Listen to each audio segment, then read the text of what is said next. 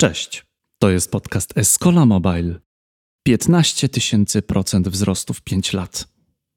Potem New Connect, a potem główny parkiet. Jak to zrobić? Posłuchaj tego podcastu. Konrad Wajskę, Spyrosoft. Escola Mobile. Biznes masz w kieszeni. Celem Escoli jest wejście na giełdę, dlatego uczymy się od najlepszych. Podcast daje nam możliwość zadania pytań najlepszym specjalistom, a potem podzielenia się z Tobą uzyskaną wiedzą.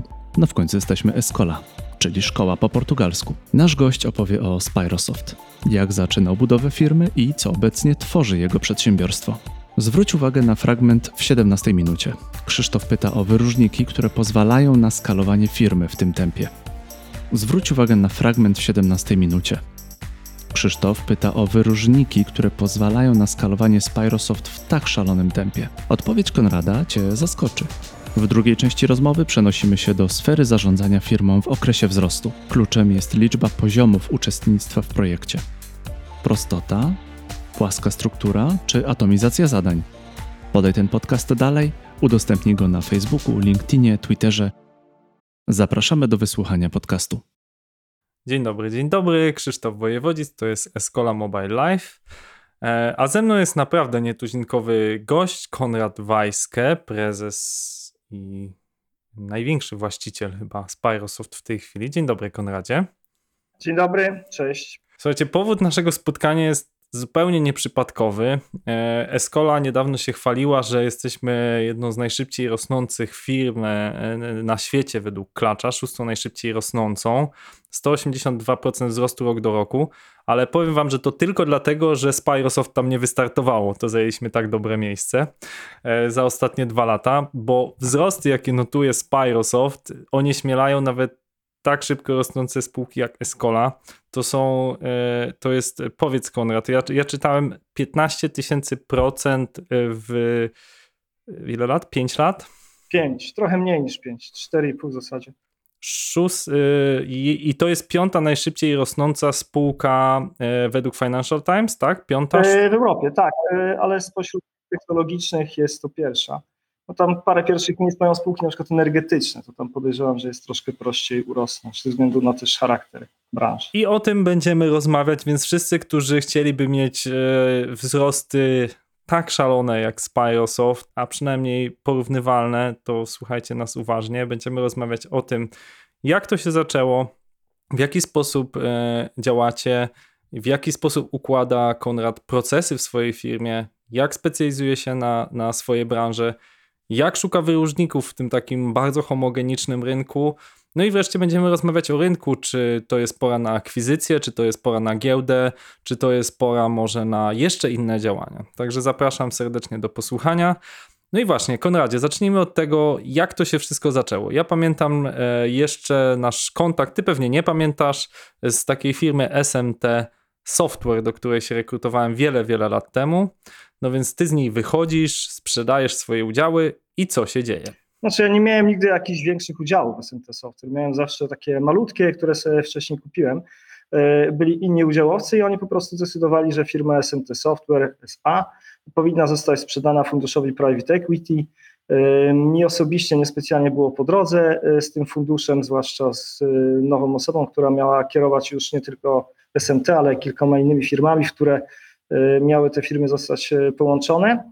No i powiem Ci, że byłem członkiem zarządu SMT wtedy. Nie? To była taka jedna z największych firm też outsourcingowych w Polsce, jest na pewno dość duża. I nie jest tak prosto znaleźć sobie pracę w tym biznesie, że jakby tak nie ma takich ofert pracy jak dla specjalistów, nie? że ktoś jest na przykład super DevOpsem, czy tam bardzo senior Java programistą, no to on nie musi szukać pracy, praca szuka jego.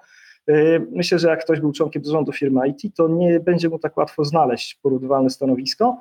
Dlatego decyzja była taka, że spróbuję założyć coś swojego. Zresztą nie sam, bo z kilkoma innymi osobami, z którymi wcześniej już pracowałem.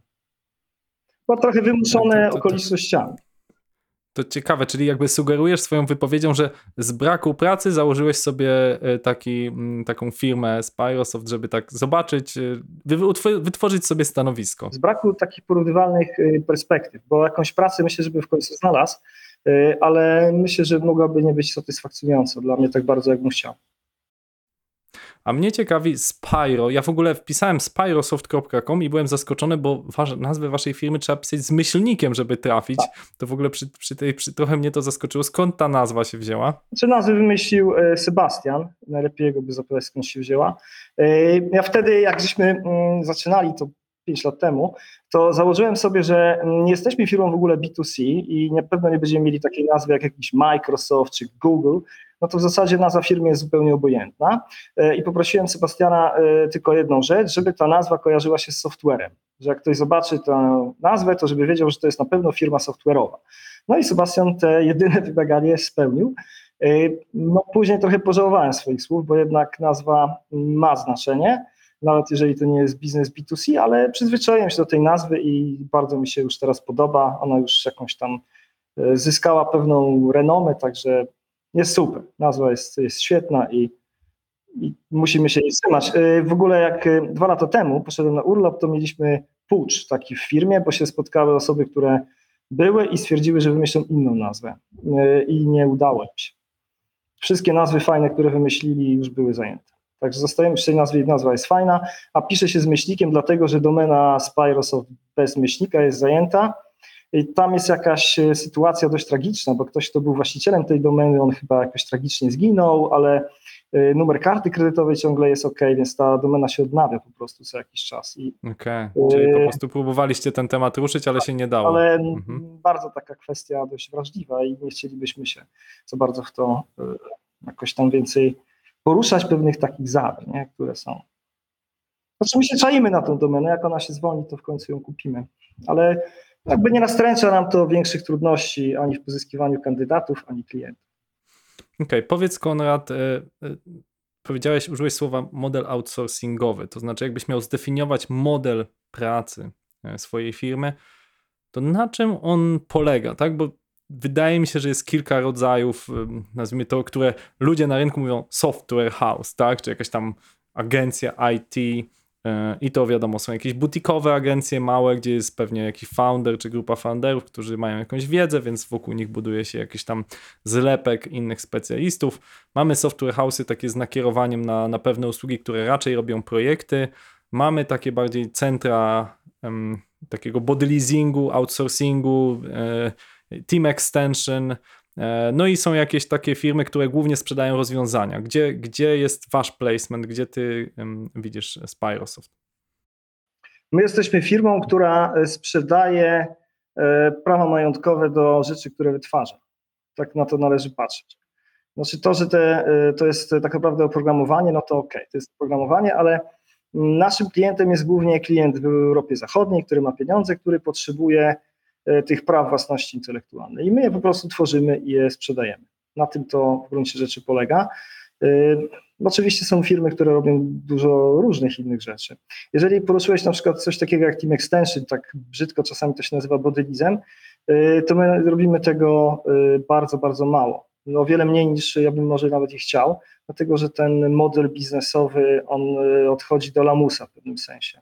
Znaczy takie software house'y, wątpię, żeby im się już opłacało to robić. To muszą być takie specjalizowane agencje, które się tylko tym zajmują, minimalne koszty, y, bo i marża jest bardzo, bardzo mała. Jeszcze 10-15 lat temu to całkiem niezła była rentowność takich przedsięwzięć, teraz to już bardzo straciło na biznesowej atrakcyjności, a i myślę, że dla pracowników nie jest specjalnie aż takie. Dla, dla, dlaczego to się zmieniło? Bo sami ludzie zaczęli się freelancersko zatrudniać w tych firmach, więc ta marża jest mała, czy, czy zmienił się jakby model budowania wartości z usług IT? No to...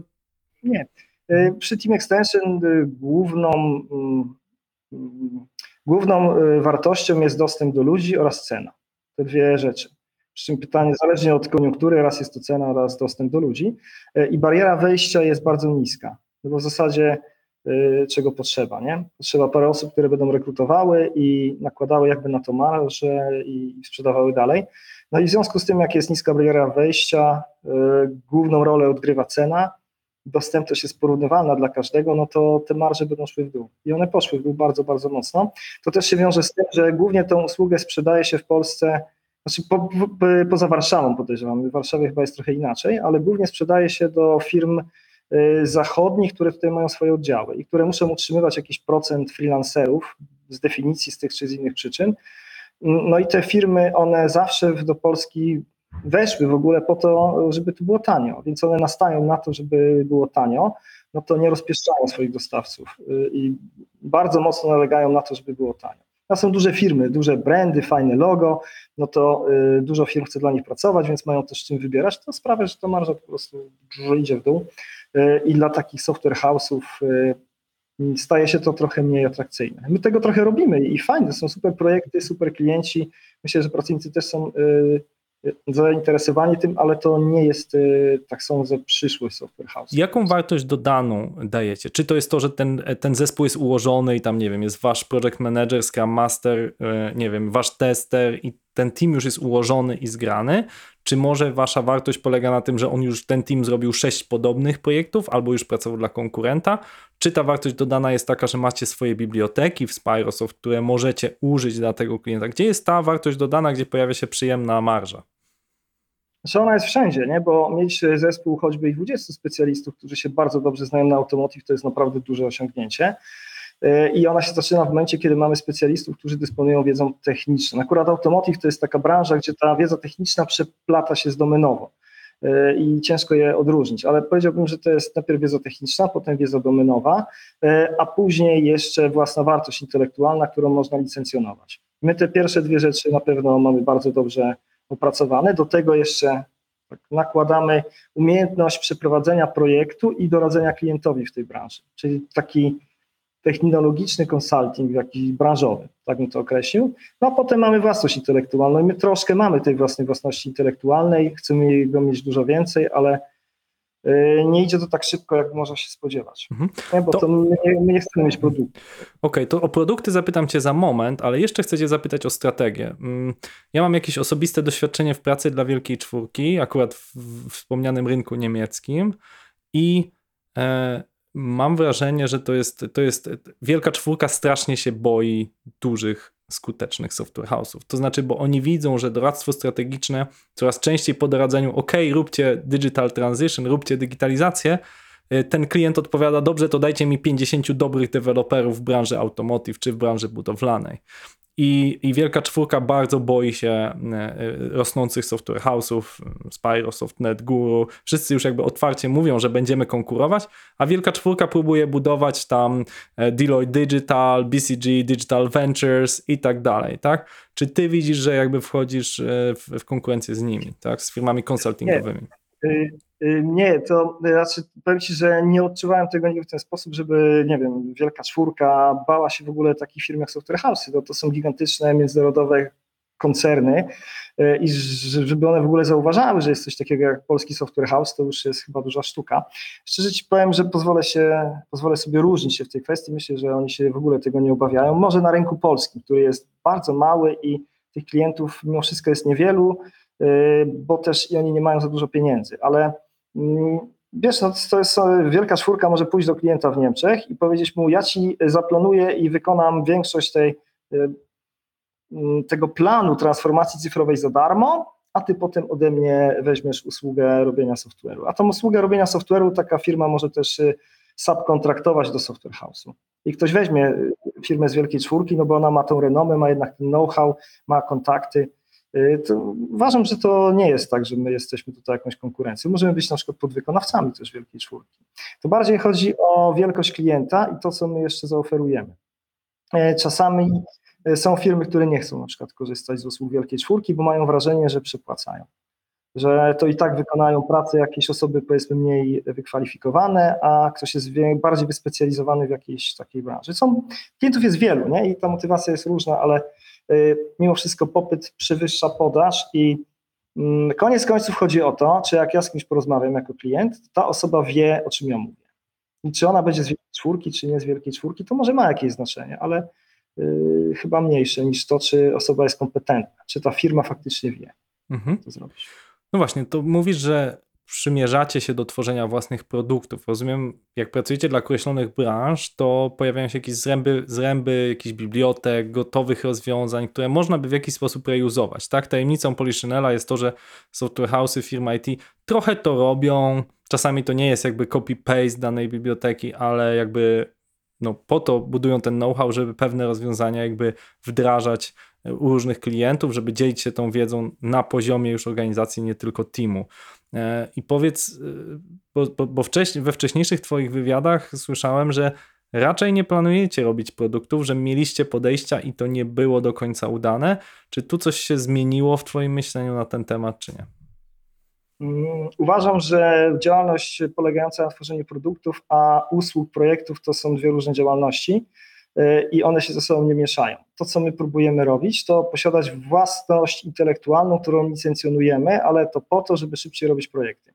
Ona sama w sobie nie tworzy jakiegoś kompletnego zbioru funkcjonalności, który może rozwiązać jakiś problem. To jest tak, że jeżeli my coś robimy cztery razy, czterech różnych projektach, no to w zasadzie lepiej to zrobić raz, a potem licencjonować, bo to nie stanowi o przewadze konkurencyjnej na przykład naszego klienta, ale to jest bardzo odległe od produktu.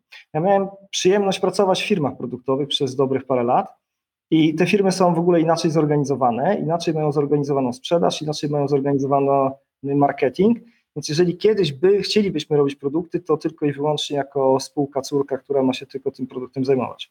Bo na przykład jak y, masz spółkę produktową, no to osią spółki produktowej jest produkt y, i wokół tej osi wszystko się kręci. Y, więc od strony delivery, no to masz takiego product managera. On może się nie nazywać product manager. W spółkach takich bardzo technologicznych, jak miałem przyjemność pracować, zespół inżynierski przejmuje na siebie rolę product managera, ale gdzieś ta funkcja istnieje. I ten product manager, ta rola, ci ludzie decydują, jak ten produkt ma wyglądać. No w firmie projektowej czegoś takiego w ogóle nie ma.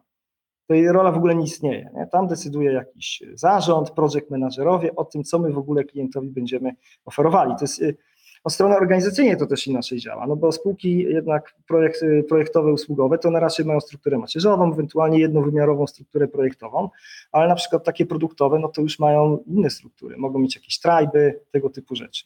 Na sprzedaż jak się popatrzy, no to produkt w pewnym sensie broni się sam. Jak ja mam produkt i mam to mogę mieć sprzedawców, którzy ten produkt sprzedadzą, bo sprzedawca może poznać bardzo dobrze, zademonstruje go, Y, I w sumie bardziej człowiek się skupia na produkcie niż na sprzedawcy. Sprzedawca jest trochę takim przekaźnikiem tego produktu. W usłudze nie ma nic takiego. Trzeba uwierzyć sprzedawcy, że to będzie działało, bo nie ma nic y, w tej chwili zrobionego. Więc to jest już kwestia bardzo y, dużego zaufania i też zupełnie kto inny sprzedaje w firmach usługowych. Znaczy, ja wiem, że są różne modele, ludzie próbują mieć handlowców w firmach usługowych, którzy sprzedawaliby te firmy usługowe trochę jak produkt, ale to chyba nie działa za dobrze, przynajmniej w większości przypadków. No bo, a jakby mieli produkt, to super. To możesz mieć handlowca, możesz mieć produkt, pach, nie? Masz procent od tego, ile przyniesiesz. To w firmie usługowej tak nie będzie działało. Marketing to samo, nie? Jak masz produkt, to skupiasz się na zaletach produktu. Rozwiązuje takie, takie, takie, takie e, problemy i kosztuje tyle. A jeżeli masz usługę, no to na czym się masz skupić? No to musisz się może skupić na brandzie personalnym, że my jesteśmy specjalistami w tej dziedzinie i znamy się na tym i na tym. Także jest inny marketing, inna sprzedaż, inna organizacja firmy. E, dlatego ciężko zrobić produkt w firmie usługowej, tym bardziej, że ta usługa jest e, szybciej sprzedawalna niż produkt. Szybciej pieniądze są z usługi niż z produktu no to jak będę miał do wyboru usługę czy produkt robić, tu przychodzi klient i mówi, masz pieniądze, zrób mi to, no to będę miał wielką motywację, żeby wziąć ludzi z produktu i dać e, ich do usługi, no bo klient nalega. A klienta nie chcę tracić, bo jak mu nie dam, no to e, tego, czego chce, to on sobie gdzieś indziej. To ciężko jest pomieszać. Dlatego my robimy właśnie wa e, wartość intelektualną, własność intelektualną, którą licencjonujemy. Gdybyśmy kiedyś robili produkty, to podejrzewam, że w spółkach córkach i takim murem będzie trzeba to odgrodzić. Nie ma przepływu ludzi między tymi spółkami, nic. Nie? Mhm. Okay. To ciekawe, bo mm, pamiętam e, rozmowę z Wiktorem Schmidtem i to samo mówił, co ty, czyli że były takie próby, to nie działa, to jest zupełnie inna struktura sprzedaży, zupełnie inna budowa firmy. E, no to powiedz mi o właśnie wyróżnikach, tak? Jesteście najszybciej rosnącą firmą technologiczną w Europie, no to jest, wiesz, jest w tym jakiś sekret, tak? Jakby to jest jeden z wyróżników. Oczywiście rośniemy strasznie szybko, jesteśmy w stanie szybko rekrutować, budować organizację, czyli odpowiadać na potrzeby klienta. Super. Jakie są jeszcze wyróżniki, które Wam pozwalają właśnie skalować firmę w tym tempie, e, jakie masz teraz? Nie ma żadnych jakichś tajemniczych składników sukcesu. My po prostu robimy to już jakiś czas, robiliśmy to w innych firmach, robiliśmy to w różnych konfiguracjach i teraz robimy to po raz wtóry. I my się na tym po prostu bardzo dobrze znamy. To są ludzie, którzy to robią najlepiej nie tylko w Polsce, myślę, że w tej części Europy, a może i nawet w całej Europie, a może i nawet szerzej. To najlepsi ludzie, którzy najlepiej to znają. Więc oni, im się uda, nie? bo to nie jest pierwszy raz i oni są bardzo dobrzy w tym, co robią. No poza tym mm, też mamy pewną strategię, którą żeśmy przyjęli na początku, na przykład jaki, jaki typ klienta obsługujemy, gdzie idziemy. Czy mamy iść do na przykład dużych korporacji, takich logo, gdzie jak y, będę pracował dla bardzo znanego banku i w jego centrali w Nowym Jorku czy w Londynie, to, y, to czy ja będę się na tym skupiać, żeby ten bank pozyskać, bo to będzie super wtedy, to będzie ekstra firma, to my nagle będziemy tysiące ludzi zatrudniać. Nie? I są y, niektóre podejścia biznesowe, które tak mówią, że tak powinniśmy robić. Nam byśmy tak postanowili nie robić, bo szansa, że to się uda jest bardzo, bardzo mała. Skupiliśmy się na firmach, które są dostosowane do nas wielkością. Im jesteśmy większą firmą, tym rozmawiamy z większymi firmami. I to bardzo dobrze działa. I to nie muszą być super znane firmy z nie wiadomo skąd i Mm, także moja babcia będzie wiedziała, co to za firma. Są często firmy super fajne z mniejszych jakichś takich miejscowości, które bardzo potrzebują naszej usługi. pytanie jest zawsze, gdzie jest największa potrzeba tej usługi, nie? A nie komu ja bym chciał sprzedać, żeby zaimponować kolesią w barze. Nasi klienci są super, nie? bardzo fajni, lojalni, bardzo dobrze się współpraca układa. Właśnie przez to nakierowanie się na to, gdzie jest potrzeba, a nie gdzie jest jakaś fantazja taka jeszcze mrzonki. No. Mhm. To jest ciekawe, co mówisz, bo e, faktycznie, jeżeli myślimy o jakichś klientach takich właśnie top of the top, nie wiem, właśnie z wielkiej czwórki, czy największe brandy, najbardziej znane na świecie, że, że tak jak mówisz, twoja babcia będzie na pewno kojarzyła, że to będzie, nie wiem, Coca-Cola, no to też oni mają, każdy chce dla nich pracować, tak? Bo to jest fajne, to jest, to, to niesie. Nawet jeżeli jest NDA i nawet nie można mówić, że pracuje z Coca-Colą, to każdy chce móc powiedzieć w pubie kolegom, że pracuje z Coca-Colą, tak? Czy deweloper, czy, czy właściciel a, ale oni mają no, huk tych, tych e, dostawców chętnych, żeby dla tego loga pracować. A, a jest ten second tier, te, ci, te, którzy nie każdy o nich słyszał, ale są świetnymi firmami. E, no ale troszeczkę wykpiłeś się od tych zalet, tak? No bo to jest segmentacja klientów, ale musi być jeszcze jednak jakiś wyróżnik. Mówisz świetni ludzie, to mówi każdy dobry menedżer, jakiego zapraszam do Escola Mobile. Mamy najlepszych ludzi, to jest, to jest jasne i, i jakby wierzę w to. Natomiast Jakie są jeszcze elementy strategii, które takie ustaliliście na początku i których się nadal trzymacie? Tak jak to Warren Buffett mówi, niezmienne, tak? Mhm.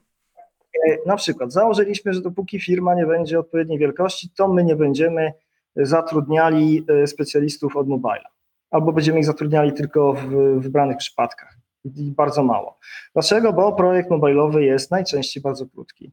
E, mały i krótki. No to jak będziemy robili małe i krótkie projekty, no to będzie nam ciężko urosnąć jako firmie, bo y, cykl jakby pozyskania klienta jest krótszy niż sam projekt. No to zanim się projekt skończy, to już muszę mieć dwa następne. Y, no to będę dużo biegał, żeby stać w miejscu. No to oczywiście my mieliśmy na początku jakichś super, bardzo dobrych ludzi od mobile, ale to były projekty długoterminowe albo po to, żeby nadzorować te projekty, które, do których później pożyczaliśmy ludzi z zewnątrz najczęściej żeby nie mieć, bo to dla ludzi też mało fajnie tak na ławce siedzieć nie? i nie mieć co robić. Do miesiąca popracuję, miesiąc posiedzę. Kosztowo to jest słabe, dla pracowników to jest słabe, a y, my się skupiamy na pozyskaniu jakiegoś małego mobilowego projektu zamiast na, na czymś większym. Nie? Także tak, takie trochę doświadczenie z przeszłości, które mówiło, y, na czym powinniśmy się skupić. To też pomogło. Y, ta specjalizacja branżowa nasza też jest bardzo pomocna, no bo takich firm jak nasze, nasza teoretycznie jest wiele. Nie? No, software house. Y, w Polsce myślę, że ponad tysiąc jest software house'ów spokojnie, jak nie dwa tysiące. No to czym wy się wyróżniacie? A my mamy wiedzę dziedzinową i możemy ci klienci doradzić w tej wąskiej dziedzinie, y, co najlepiej od nas wziąć, a czego lepiej nie brać. Mhm. I jakie to są dziedziny, w których czujesz się wyjątkowo, czujecie się wyjątkowo mocni? Y, automotive, który wymieniłeś, jest na przykład ok. Pewne wybrane aspekty finansów, to na pewno nie cały finance, to jest za szeroka dziedzina. Na przykład GIS, Geospatial Information Systems. To jest nisza, to jest mało firm, które się na tym dobrze znają, a my się znamy bardzo, bardzo, bardzo dobrze na tych rozwiązaniach. Y, na pewno będzie to przemysł, przemysł, przemysł 4.0. Też jest trochę firm, które to umieją robić, y, no ale my to robimy na myślę, że większą skalę niż większość z nich. To przykłady nie? takich e, wybranych. Mówisz o dziedzinach, a często firmy zaczynały się specjalizować, że właśnie nie wiem, JLabs zaczęli od Java czy Javeo, tak, że robimy Java, tak? Czy u ciebie też była taka decyzja, że właśnie, nie wiem, robimy Java i .NET, a na przykład, nie wiem, nie robimy nic z frontowych, jakichś Reactów albo, tak jak mówisz, jakichś mobilnych, czyli nie robimy w ogóle frontu, a robimy tylko właśnie Java, .NET, nie wiem, jakieś. Czy tego typu decyzje też mieliście? To zależy, co się chce sprzedawać i komu. Myśmy, jeżeli zatrudnialiśmy specjalistów na początku, to myśmy zatrudniali raczej w takich technologiach bardziej mainstreamowych, Java, .NET, y, bo wiedzieliśmy, że y, najłatwiej nam później będzie w tych technologiach realizować projekty, ale nasi klienci w większości y, nie mają takich preferencji, żeby to była taka czy inna technologia. Dla nich to jest trochę obojętne, bo to my jesteśmy specjalistami i to my powinniśmy doradzić, a nawet jak mają preferencje, to my ich możemy przekonać, żeby skorzystać z innej technologii. Dlatego dla nas y, ważne jest, żeby to była taka technologia, która jest, y, gdzie łatwo znajdziemy osoby, które się na niej znają. Dlatego takie właśnie Java, .NET y, są istotne. Oczywiście my od początku musieliśmy mieć ludzi od frontendu, no bo bez frontendu nic nie będzie istniało. Nie? Y, ale mogę sobie wyobrazić, że ktoś sobie wybiera jakąś taką bardzo niszę technologiczną i tam coś próbuje sprzedawać, no ale wtedy będzie w tej niszy siedział jednak. Naszym celem i aspiracją zawsze było to, żeby, y, czy w ogóle jak my idziemy do klienta, może co my robimy, co nas wyróżnia, o, y, to my przede wszystkim chcemy zrozumieć, na czym ten klient zarabia pieniądze, co jest istotą biznesu klienta. Po co mu to w ogóle jest? Bo trzeba niestety wyjść z założenia, że klient naszego software'u to wcale nie chce kupować. No bo po co mu software, nie? To nie jest ten typ usługi, który łączy się z jakąś przyjemnością. Jak idziesz do restauracji, kupujesz jedzenie, no musisz jeść, żeby żyć, ale to może być smaczne, nie? To software nie będzie smaczny. Prawie na pewno ten projekt będzie raczej bolesny. na pewno, tak. E, przekroczy budżet, przekroczy czas i wielu ludzi się na nim po prostu straci nerwy. Okay. No nawet jeśli nie, to trochę stresu, nerwów, a czy się uda, zawsze będą jakieś problemy, nie? To nie ma szansy, żeby to było przyjemne. To w najlepszym razie to będzie nie bardzo nieprzyjemne. Więc e, ten człowiek, ten klient potrzebuje tego software'u jak najmniej, jak najszybciej e, i jak najszybciej chce mieć to z głowy. A myślę, że jest wiele firm, które nastawiają się na trochę co innego. Oni, te firmy robią software, to one jakby chcą jak najwięcej tego software'u y, oferować. I teraz to jest czasami śmieszne, bo jak y, widać klienta, który przychodzi na rozmowę z potencjalnym dostawcą, no to klient czego chce? Chce szybko i tanio. Nie? I dobrze. Jak najmniejszy mhm. projekt, najtańszy, dobrze to wiadomo, że chce, nie? Ale y, dla niego się liczy to, że jak będzie szybciej i taniej, to będzie super a firmy często pokazują największe projekty, najdroższe, gdzie tam jakieś dziesiątki ludzi pracowały przez grube lata. I ten klient, y, on nie wie, czym to się skończy, ale jedno wie, że na pewno będzie trwało długo i będzie straszliwie drogie. No i to jest to, co klient chce, nie? No klient chce jak najmniej od nas kupić i to jest chyba fair, żeby jak najmniej mu oferować, żeby tylko miał to, co chce. Więc trzeba się dowiedzieć, czego on potrzebuje, po co mu w ogóle ten software. Może on w ogóle nie potrzebuje od nas, może E, może czegoś innego potrzebuje, może lepiej go skierować do innej firmy, która mu to lepiej zrobi. E, I to jest to, co klient koniec końców bardzo docenia, bo jest dużo firm, które zwłaszcza mają takich handlowców, nie? E, które wpychają, co się da. No, weź jeszcze to, weź to, tu ci super zrobię. Bez sensu, nie? Przecież ten klient chce kupić tego mało, to po co ty mu sprzedajesz dużo? Sprzedałem mało, to on wróci, jak będzie chciał następnym razem sam. Okay, chcę, chcę połączyć dwa wątki, o których powiedziałeś, czyli specjalizację technologiczną i takie dokładanie. Otóż ostatnio jest kilka takich modnych technologii, frameworków, który, wokół których sporo firm też zaczyna się rozpędzać. Sztuczna inteligencja, blockchainy, jakieś takie e, różne nowatorskie rozwiązania.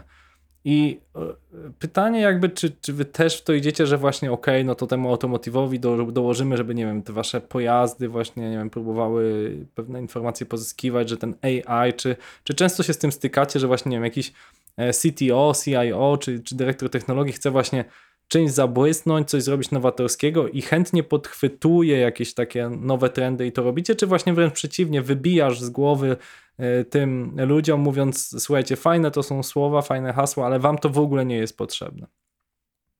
Akurat Automotive to nie jest najlepszy przykład, bo Automotive współczesny w ogóle nie istnieje bez sztucznej inteligencji. Tam już się chyba nic nie robi bez AI. Większość rzeczy, które robimy w Automotive, to właśnie to jest wykorzystaniem sztucznej inteligencji typu e, czujniki, które rozpoznają jakieś e, przeszkody na drodze, których komercjalizacją na przykład się zajmujemy. Tutaj to już jest bardzo ściśle powiązane, ale faktycznie są firmy, gdzie jest y, jakiś CIO i ten CIO to jest powiedzmy były programista, na przykład Java czy czy .NETA i do niego przychodzi zarząd i mówi, y, czy ty już jesteś w chmurze, czy wykorzystujemy sztuczną inteligencję, bo nasza konkurencja, ja tam gdzieś słyszałem, czy mi mówili, czy, czy czytałem, y, że już wykorzystuje, a czemu tego nie mamy, czemu tego, czemu nie mamy tego, a tych rzeczy jest mnóstwo. To taki CIO w firmie, zwłaszcza średniej wielkości, to on musi wszystko robić. Do niego podejrzewam nawet przychodzą ludzie, żeby, że mysz mu się, komuś się zepsuła, nie?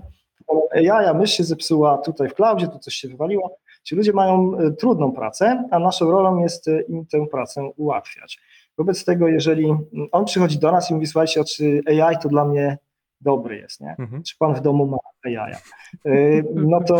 Robota rumbę ma. No, to jakiś tam AI zawsze jest. Y, no to my wtedy mówimy, dobra, ale mm, do czego ty byś tego potrzebował?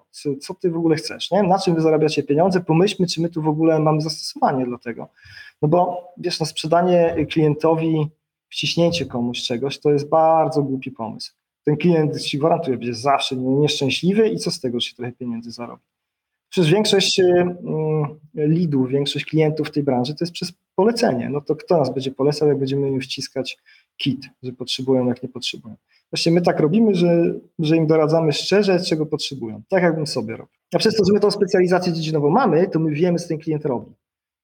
Rozumiemy go. Musi jak nam zacznie mówić, to, ja, to my już będziemy wiedzieć. A, robicie to, to dobra. Okej, okay, rozumiem. Bo my takich projektów robimy setki, a klient robi je bardzo sporadycznie. To ma prawo oczekiwać, że, że my wiemy, y, co mu będzie dobrze funkcjonowało. Bo jakby nam klient wyjaśnić od A do Z, tu kopać, tu, tu weź łopatę, tu zrób, tu co, no to on już chyba by nie chciał z nami tego robić. Chcę Cię, Konrad, zapytać o, o te poziomy wzrostu firmy, bo teraz Spyrosoft to jest ile? 700 osób mniej więcej? Ponad. Okej, okay. czyli co, jest duża szansa, że za parę miesięcy, tak, gdzie te parę to może być 9, przekroczycie 1000 na przykład, tak? Przy, przy waszym tempie wzrostu. Myślę, że tak. Y, myślę, że do końca roku to będzie trudno mieć 1000 osób, y, ale no za, w przeciągu roku to raczej tak. No i teraz tak, pojawiają się nowe poziomy zarządzania, tak? Pojawiają się nowe wyzwania, tak? I Pytanie, jak sobie z tym radzisz, jak twój zespół menedżerski sobie z tym radzi, bo jednak, e, wiesz, to już nie jest dwupoziom management, tak jak pewnie było na początku, jak mieście osób 50, tak? Zespół menedżerski, programiści, jakieś zespoły skramowe, tylko pojawiają się kompletnie nowe wyzwania, żeby tę jakość zapewnić. I pytanie, jak to, jak to organizujesz, żeby, e, no bo nie padło z swoich ust słowo jakość, aż się zastanawiam, w którym momencie padnie, bo to każdy software house w którym momencie używa magicznego słowa, my dostarczamy jakościowe rozwiązania. Ty tego jeszcze nie powiedziałeś, jesteśmy już w połowie. Ale jakoś to jest nic innego jak satysfakcja klienta. Ja o tym cały czas ci mówię. Tak, nie? więc ty mówisz tak, ty używasz innego słowa, dostosowanie do potrzeb klienta, tak, dostarczenie tego, co klient potrzebuje. Ty używasz zupełnie innej nomenklatury. No, mówiąc o tym samym, więc ja, ja to bardzo doceniam.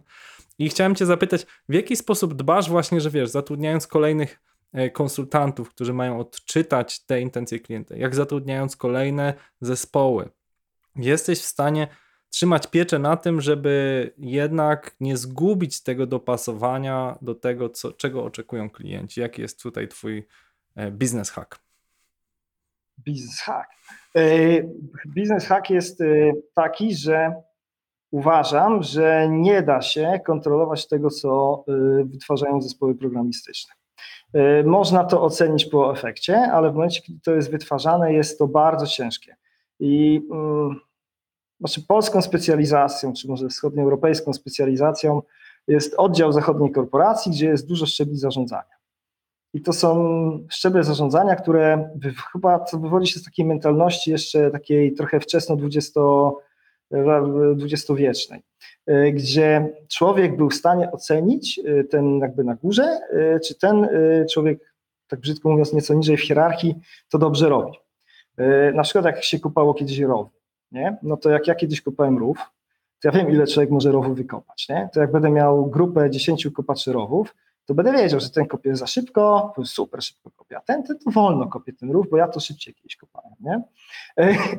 To w naszej gospodarce opartej o wiedzę, to, to tego się nie da zrobić. Osoba, która zarządza projektem, śmiem twierdzić, nie wie, czy ci ludzie tak jak to robią, to robią to dobrze czy źle. I musi im zaufać, że oni to robią dobrze. Bo jak im nie zaufa, to podda się, wlezie w jakąś spiralę takiej nadmiernej kontroli, która tych ludzi tylko i wyłącznie zirytuje. To trzeba im dać swobodę i zaufanie, że oni wiedzą, co robią i robią to dobrze. Dlatego też no, u nas raczej zatrudniamy osoby z takim doświadczeniem dość dużym, ale im możemy zaufać. Ja im ufam, że oni to robią dobrze, a jak mają problem, to przyjdą do nas, do tak zwanej kadry zarządzającej i powiedzą, że potrzebują tego, tego, tego i tego. Co nie jest y, takim domyślnym sposobem działania, zwłaszcza w takich korporacjach w Polsce y, y, działających. Nie? Jak ktoś przyjdzie i powie, że czegoś potrzebuje, radźce nie ma, nie wiem, force zrób to, coś. To tak nie powinno działać, nie? Ten zespół jest najważniejszą częścią firmy i on musi wiedzieć, co robi. Jak on wie, co robi, no to ja nie muszę już tego tak kontrolować. Wobec tego ta struktura może być płastsza, płaska, bo opiera się na jakimś zaufaniu. No czasami to zaufanie jest nadszarpnięte, bo ten zespół nie dowie się tego, co chce, ale to jest bardzo rzadko i najczęściej nie z przyczyn takich, że zespół się lenił, tylko coś innego nie zagrało, może gdzieś nie zostało coś dopilnowane. Naprawdę poziom takiego etosu w pracy jest bardzo duży. O ile się to zaufanie w osobach pokłada. No to my tak naprawdę mamy dwa poziomy zarządzania. Y, na przykład y, jesteśmy podzieleni na business unity. Jest szef business unitu i jest project manager.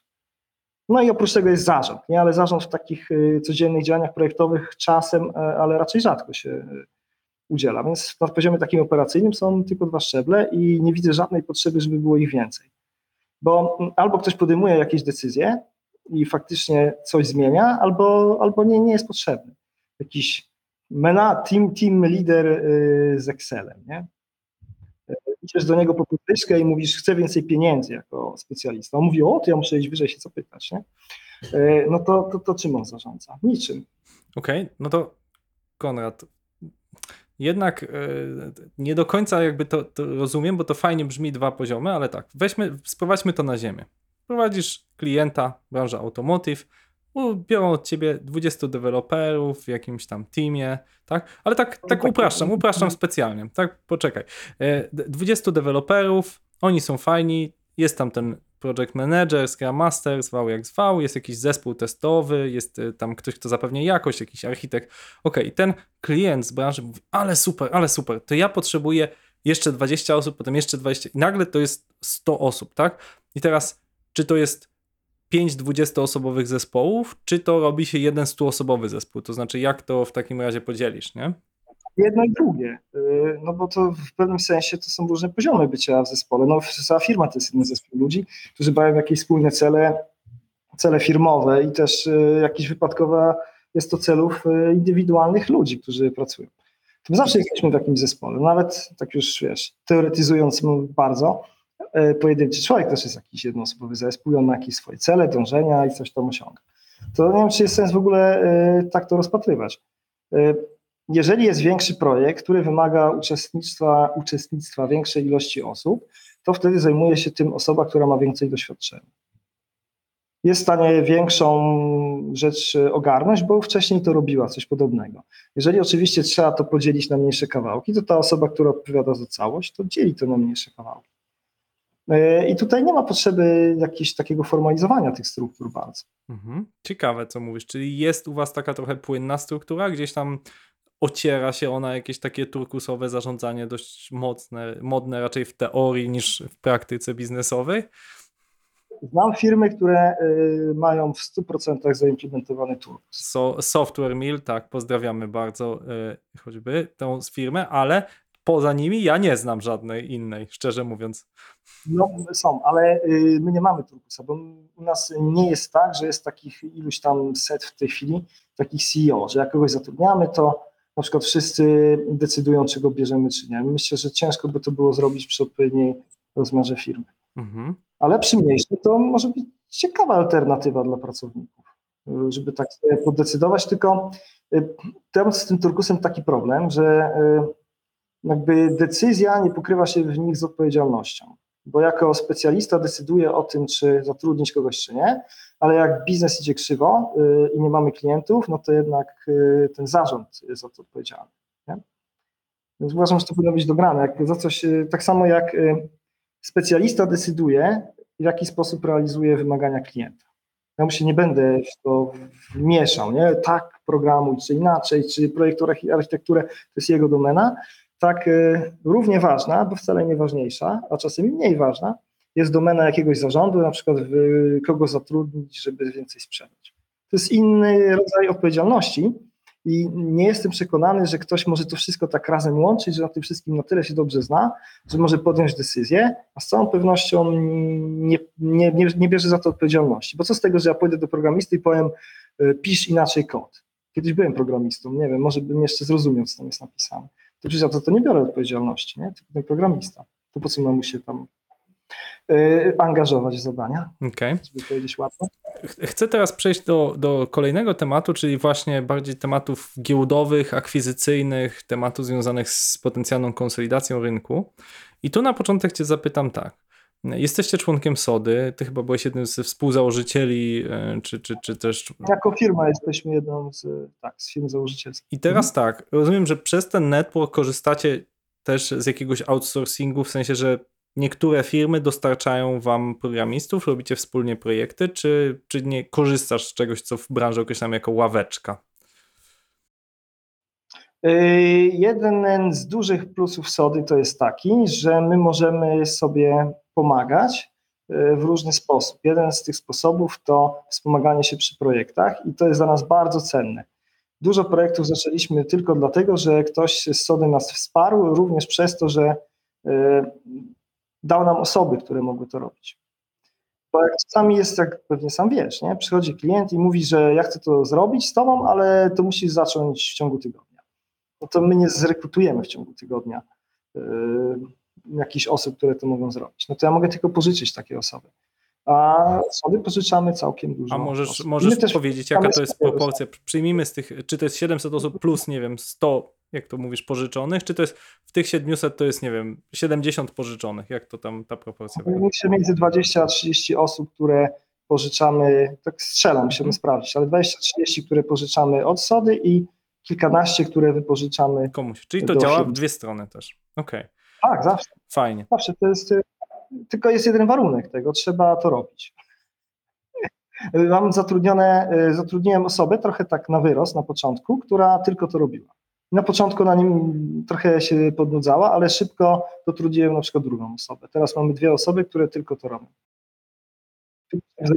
No ale to trzeba trochę y, się w to zaangażować, bo ja też znam wiele firm, które mówią, o ta ławka sodowa to nie działa, bo ja tam nie mam czasu czy coś. No okej, no ale jak się nie ma czasu na coś, to, to nie będzie działać, nie? Trzeba się w to zaangażować. A, a warto, bo naprawdę pracownicy też lubią te projekty. Są fajne projekty, bo my jako software house robimy fajne projekty. Okej, a powiedz teraz tak, no to mm, ciągle rekrutujecie na, na przeróżne stanowiska. E, Proces onboardingu musi być relatywnie szybki. Czy tutaj masz jakieś takie haki, żeby utrzymać taki eksponencjalny wzrost, żeby ludzi właśnie wdrażać, żeby to oni szybko poczuli taką org- organizację, gdzie rozumiem w ciągu ostatniego półtorej roku byliście głównie organizacją rozproszoną, to znaczy jak ich fajnie wdrożyć, nie wiem, macie co kwartał jakieś dodatkowo imprezy, macie, nie wiem, jakiś fajny system na to, żeby, żeby po prostu ludzie się dobrze czuli, poza oczywiście kwestią, kwestią takiego, wiesz, praca, mówisz, ciekawy projekt, okej, no i, i jakby jaką jeszcze wartość da, dajecie e, swoim ludziom? Okej, no to mamy etap rekrutacji, etap onboardingu. Yy, My mamy ciekawe projekty. Większość na pewno tak, ale każdy, kto jest inżynierem, już specjalistą z jakimś stażem, to wie, że to nie jest tak, że są tylko super ciekawe rzeczy do zrobienia, czasami są też rzeczy mniej ciekawe do zrobienia. Yy, No i okej, nie? jak w każdej pracy jest zawsze trochę większość fajnych i trochę takich słabych. To jest normalne i myślę, że tego nie ma co yy, oszukiwać się że są tylko cudowne rzeczy, bo i takie słabe też i czasami ci klienci też i narzekają i tam, nie? ale okej, taki urok sprawy. No, jeżeli chodzi o pozyskiwanie klientów, to jest y, w miarę okej. Y, Oczywiście nie jest prosto znaleźć osoby, które są super dobre, ale no, zatrudniamy, nie? Gdzieś tak 30, czasem 40 osób y, co miesiąc zatrudniamy. No to nie mogę chyba narzekać, że się nie da nikogo zatrudnić. Nie? Yy, A później, jeżeli chodzi o onboarding, ja jestem tylko bardzo małą częścią onboardingu, bo w każdym miesiącu, jak przychodzą nowe osoby, to yy, około godziny, półtorej z nimi rozmawiam o tym, co to za firma, Na żywo co ona czy jest. zdalnie w tej chwili? Tak, tak. yy, Znaczy teraz bardziej na żywo, bo już większość osób miała wirusa, albo się zaszczepiła, albo obie te dwie rzeczy, y, więc już y, się spotykamy, nie? face to face, y, ale to też zdalnie można robić. Y, Lepiej oczywiście face to face. Y, I opowiadam o tej firmie, po co to jest, kim w ogóle jestem, po co my to robimy, y, ale ten proces onboardingu on jest dużo, y, dużo dłuższy i nie wiem nawet jak on wygląda, bo my mamy y, dział Human Capital, który się zajmuje właśnie między innymi onboardingiem. E, I takie haki, tu wiesz co, tak nie wiem, czy, czy można na takich hakach zbudować e, cokolwiek. Nie? To są. e, Uważam, że jeżeli chcemy budować firmę taką większą, to trzeba przede wszystkim oprzeć to o rzeczy, które są w miarę proste, może i banalne, ale trzeba je powtarzać i trzeba je robić. No nie o jakieś, wiesz, króliki z kapelusza, nie? bo to, to, to może czasami wyciągnąć, to na pewno budzi jakiś respekt, nie? że ktoś potrafi takie rzeczy zrobić, ale to jak e, cały czas takie rzeczy się robi, to ktoś może odnieść wrażenie, że wiesz, w cyrku się znalazł. Nie?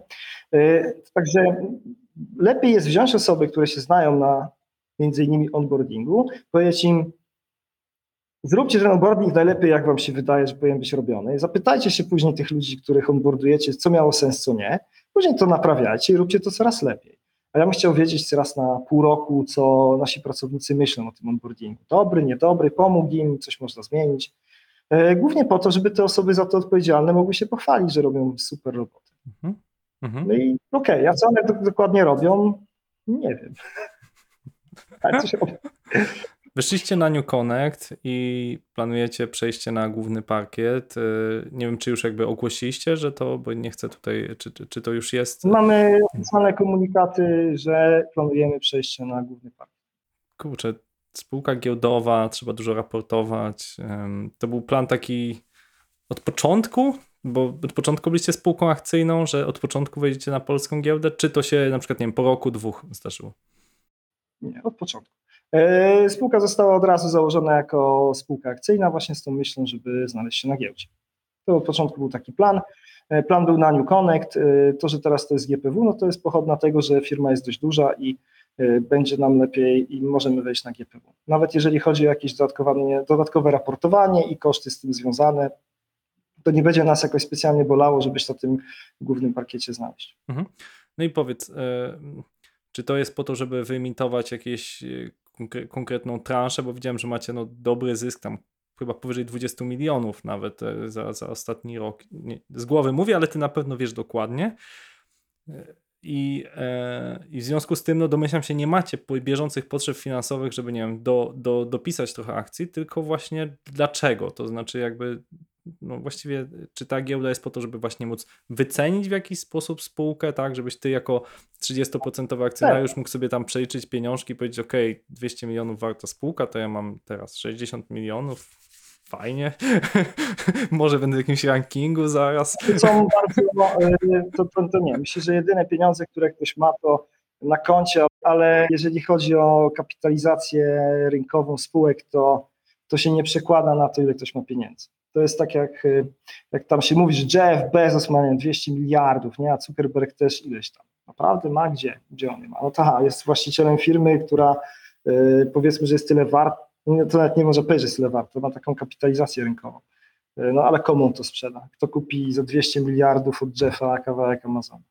Nie wiem, jakiś fund? To są takie, trochę nie przesadzałbym z ważnością tej kwestii.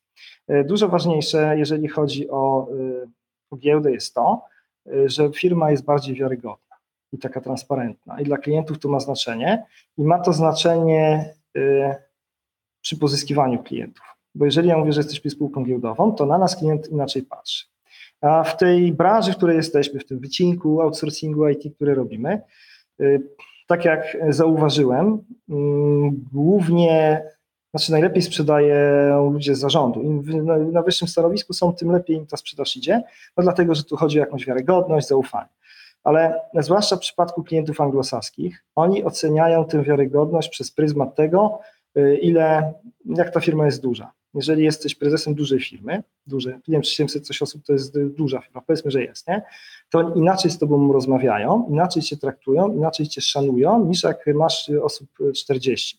I mam na to dowody, bo y, często współpracuję z tymi samymi ludźmi, z którymi na przykład 3 lata temu, przez to, że firma szybko urosła, to ja widzę, jak oni na przykład do mnie się odnoszą. Y, I jak firma miała 40 osób, 30 czy nawet 50, to jak oni wtedy się zachowywali, a jak się teraz zachowują. To jest zupełnie inna relacja, zupełnie inny poziom dyskusji.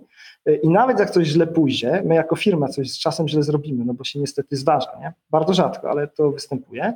To kiedyś to był telefon, nie? A teraz jest, no, super, jesteśmy mili dla siebie, nie? Bo niestety tak jest, że ludzie oceniają innych przez pryzmat tego, jak te ich zawodowe osiągnięcia są, nie? I ten y, taki CEO amerykańskiej firmy, zwłaszcza większej, to on będzie tak patrzył na ciebie, czy ty jesteś gościem, nie wiem, z tej samej ligi, nie? Czy to ta, ta okej, okay. tak, to wtedy super, to robimy. I tak to niestety funkcjonuje. A bycie na giełdzie pomaga w tym, no bo jesteśmy na giełdzie, co prawda warszawskiej, a nie Nowym Jorku, ale zawsze, nie? to już jest coś. E, dla pracowników też jest to trochę e, fajne, bo to umożliwia nam tworzenie programów na przykład opcyjnych. Mhm. To opowie, opowiedz to... o nich, opowiedz jak to działa. Czy one dotyczą tylko zarządu, czy managementu, czy dotyczą naprawdę wszystkich, tak? Czy każdego z tych 700 pracowników? One nie dotyczą zarządu. O. My nie mamy programów opcyjnych dla zarządu. Nie, ja nie mam żadnego Od, Odwrotnie niż w korporacjach. Odwrotnie niż w korporacjach. No może dlatego, że oprócz tego, że jestem w zarządzie, jestem też osobą, która ma jakieś udziały w spółce y, i jakby, no nie wiem, to ile ja mam sobie tych opcji dać. To niewiele mi zmieni, nie? W ogólnej jakby ilości akcji, a moim zdaniem wygląda głupio. Ktoś, kto ma i tak już sporo akcji, jeszcze sobie dodaje tych akcji kosztem tych, którzy mają mało. No, słabe, nie? Y, dlatego u nas zarząd y, nie ma programów opcyjnych, natomiast mają tacy pracownicy, którzy y, definiują, jak ta firma wygląda, bez których y, my byśmy nie osiągnęli w ogóle nawet nic zbliżonego do tego, co nam się udało. Y, I mm, liczbę tych osób będziemy poszerzali. No i to jest atrakcyjne, nie? bo to z jednej strony daje poczucie, że nie jest się takim pracownikiem, tylko już jednak wspólnikiem, to jest nasze wspólne dobro. I my też tak traktujemy te osoby, nie jak pracowników, nie? tylko jak takie osoby, które są wspólnikami, no bo są. E, z drugiej strony no jest to jakiś, e, jakaś możliwość polepszenia swojego stanu posiadania. Ale uciekłeś, uciekłeś Konrad, od odpowiedzi, czy to dotyczy w takim razie wszystkich 700 do poziomu dewelopera, czy testera, czy managementu i jak to w takim razie definiujecie? Kto ma te opcje, a kto nie? Wiesz co, to my teraz jesteśmy na etapie tworzenia nowego programu opcyjnego. Póki co miały te osoby, które były, y, one y, teraz pełnią rolę takich, y, można powiedzieć, wyższego managementu, ale to jeszcze jak one miały te programy opcyjne, to w ogóle tych ról nie pełniły, bo y, każdy z nas, ja też, no są osoby do roboty, nie? a nie do y, menażowania. Mm, więc do nas nie ma czegoś takiego jak menadżer, który menadżuje.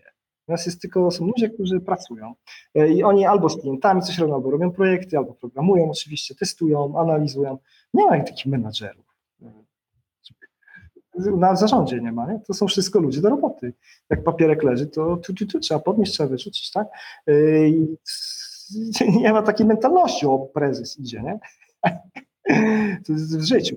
Yy, to by było zabójcze. Ale mają osoby, które wcześniej pełniły rolę po prostu pierwsi pracownicy, nie jedni z pierwszych pracowników, pierwszych pracowników, a teraz będziemy rozszerzać ten program i będziemy też na pewno mieli takich kluczowych specjalistów. Okej, okay. kluczowi specjaliści, okej, okay. czyli raczej nie, nie będzie to tak, że nie wiem, tak jak Apple ma tak, taka spółka, ma tak, że każdy pracownik ma jakieś opcje, tam chyba 20% taniej kupować akcje, e, czyli taki ESOP.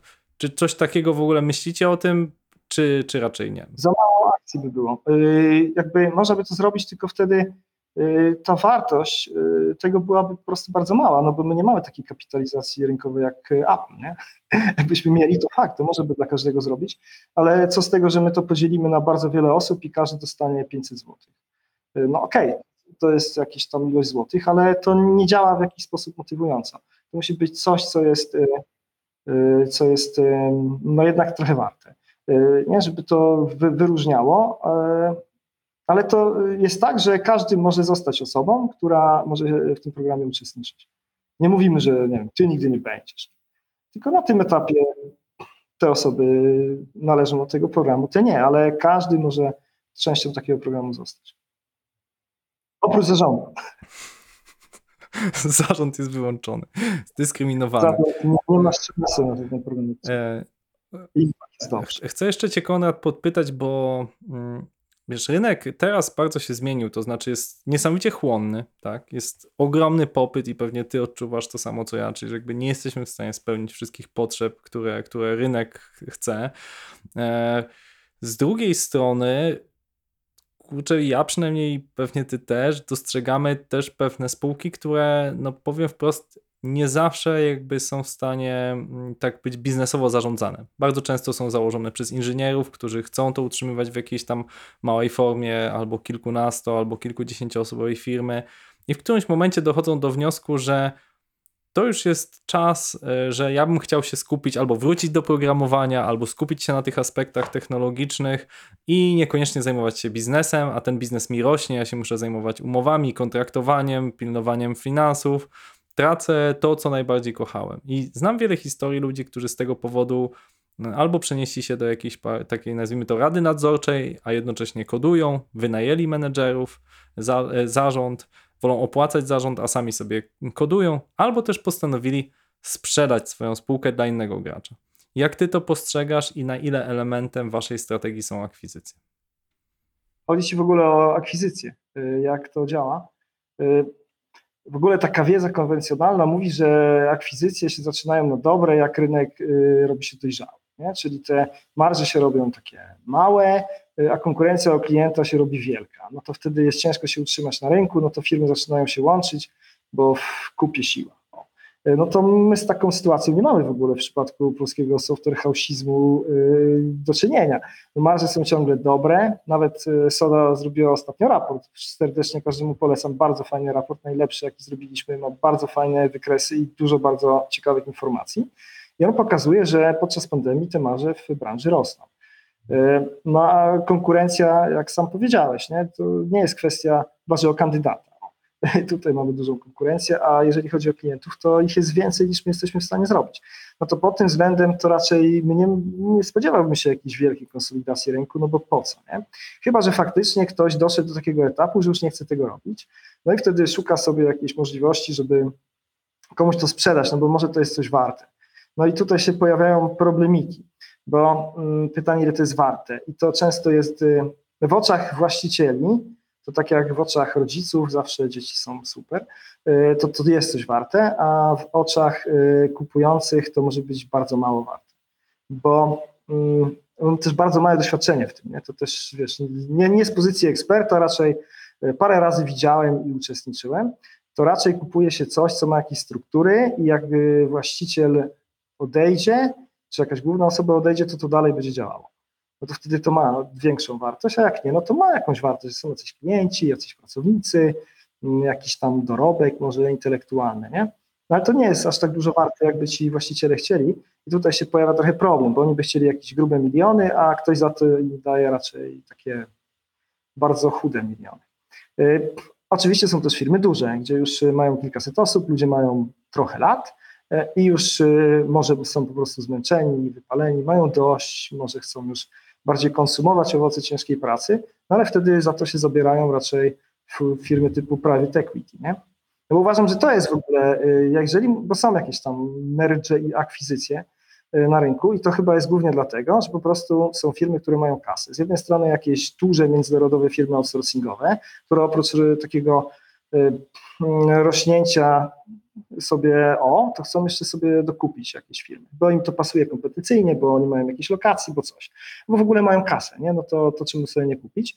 No i y, jakby jeżeli jest y, popyt, to zawsze się pojawi jakaś podaż, nie? ktoś w końcu pęknie i sprzeda za odpowiednio dużą ilość pieniędzy, a z drugiej strony są firmy typu właśnie fundusze private equity, które łączą kilka firm do kupy, no bo wtedy ten mnożnik, za który sprzedadzą, to nie to będzie wyższy, nie? czy 2 plus 2 będzie 5 albo nawet może i 7 e, w takim przypadku i one też e, opowiadają, że jak to będą lewarować i tak naprawdę ty sprzedasz pół firmy, ale pół sobie zostawisz, ale pieniądze to ci zostanie tyle samo e, i różne takie inne mm, powiedzmy trudniejsze do spełnienia obietnice, no to w sumie jak mam mieć to samo, jeszcze kasę i to, to może ja sprzedam, nie? Ale bardziej chodzi o to, że jest ten popyt, dlatego niektóre firmy się decydują, ale ten taki nie wiem, czy to można tak brzydko nazwać, taki ogon trochę, ale piękny ogon w postaci takich e, mniejszych firm. no to tutaj jest trochę kwestia, nie? bo też firmy zaczynają się chyba bać, że czy one utrzymają pracowników, czy klientów, no firma trochę stoi w miejscu od paru lat, wiesz, przychody się nie zwiększają, zyski trochę maleją, może, może nie, tylko nie dużo rosną, nie? Może coś byśmy zrobili. Ale tutaj ciężko znaleźć e, amatora na takie przedsięwzięcia. Nie jest to takie proste. Ale też się znajdują, bo po jakimś czasie ci ludzie chyba sobie zdają sprawę, że to nie, nie, nie jest aż tak dużo warte, jak może chcieli. Mhm. I może lepiej to nawet nie za darmo oddać, tylko albo za jakieś nie wiem, profity długoterminowe. Ale to chyba nie, nie mamy dojrzałego rynku, który by skutkował szeroką masą przejęć. To jest na pewno. A czy to jest element e, strategii Spyrosoft, jakby przejmowaniem? Tak jak piszemy w komunikatach, nie wykluczamy e, inwestowania. Przejmowanie to nie, bo takie przejąć, zjeść, to nie jest chyba dobry pomysł. To ciężko to zrobić, y, a lepiej zainwestować w coś, co jest komplementarne w stosunku do tego, co robimy. Jak jeżeli jest jakiś obszar usług IT, których nie robimy, bo się na przykład nie znamy, a jest jakaś firma, która to robi i ona by potrzebowała na przykład y, pieniędzy, jakiegoś takiego, wiesz, mięśnia back-office'owego albo dostępu do klientów, bo często nasi klienci nas pytają o rzeczy, których nie robimy no to wtedy możemy pomyśleć o jakimś rodzaju współpracy, być może związanym z tym, że my zainwestujemy w taką firmę.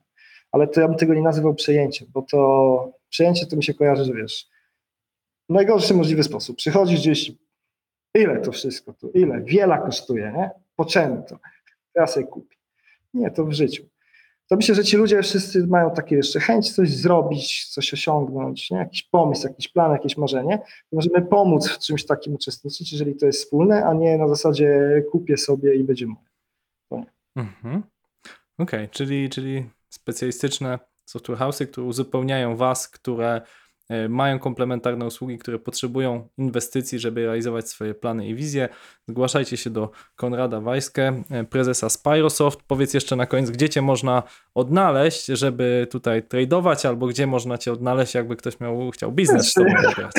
E, nie spodziewałem się, Krzysztofie, że to się zamieni w reklamę naszych działalności M&A-owych, ale jeżeli by ktoś chciał porozmawiać w ogóle o współpracy, albo w ogóle o czymkolwiek, mhm. no to chyba najlepiej na LinkedInie. Okej. Okay. Słuchajcie, ze mną był Konrad Wajskę, prezes najszybciej rosnącej spółki technologicznej w Europie według Financial Times. Na szczęście do klacza się nie zgłosili i tylko dlatego udało nam się jako Escoli ich wyprzedzić, ale, ale to nasze szczęście.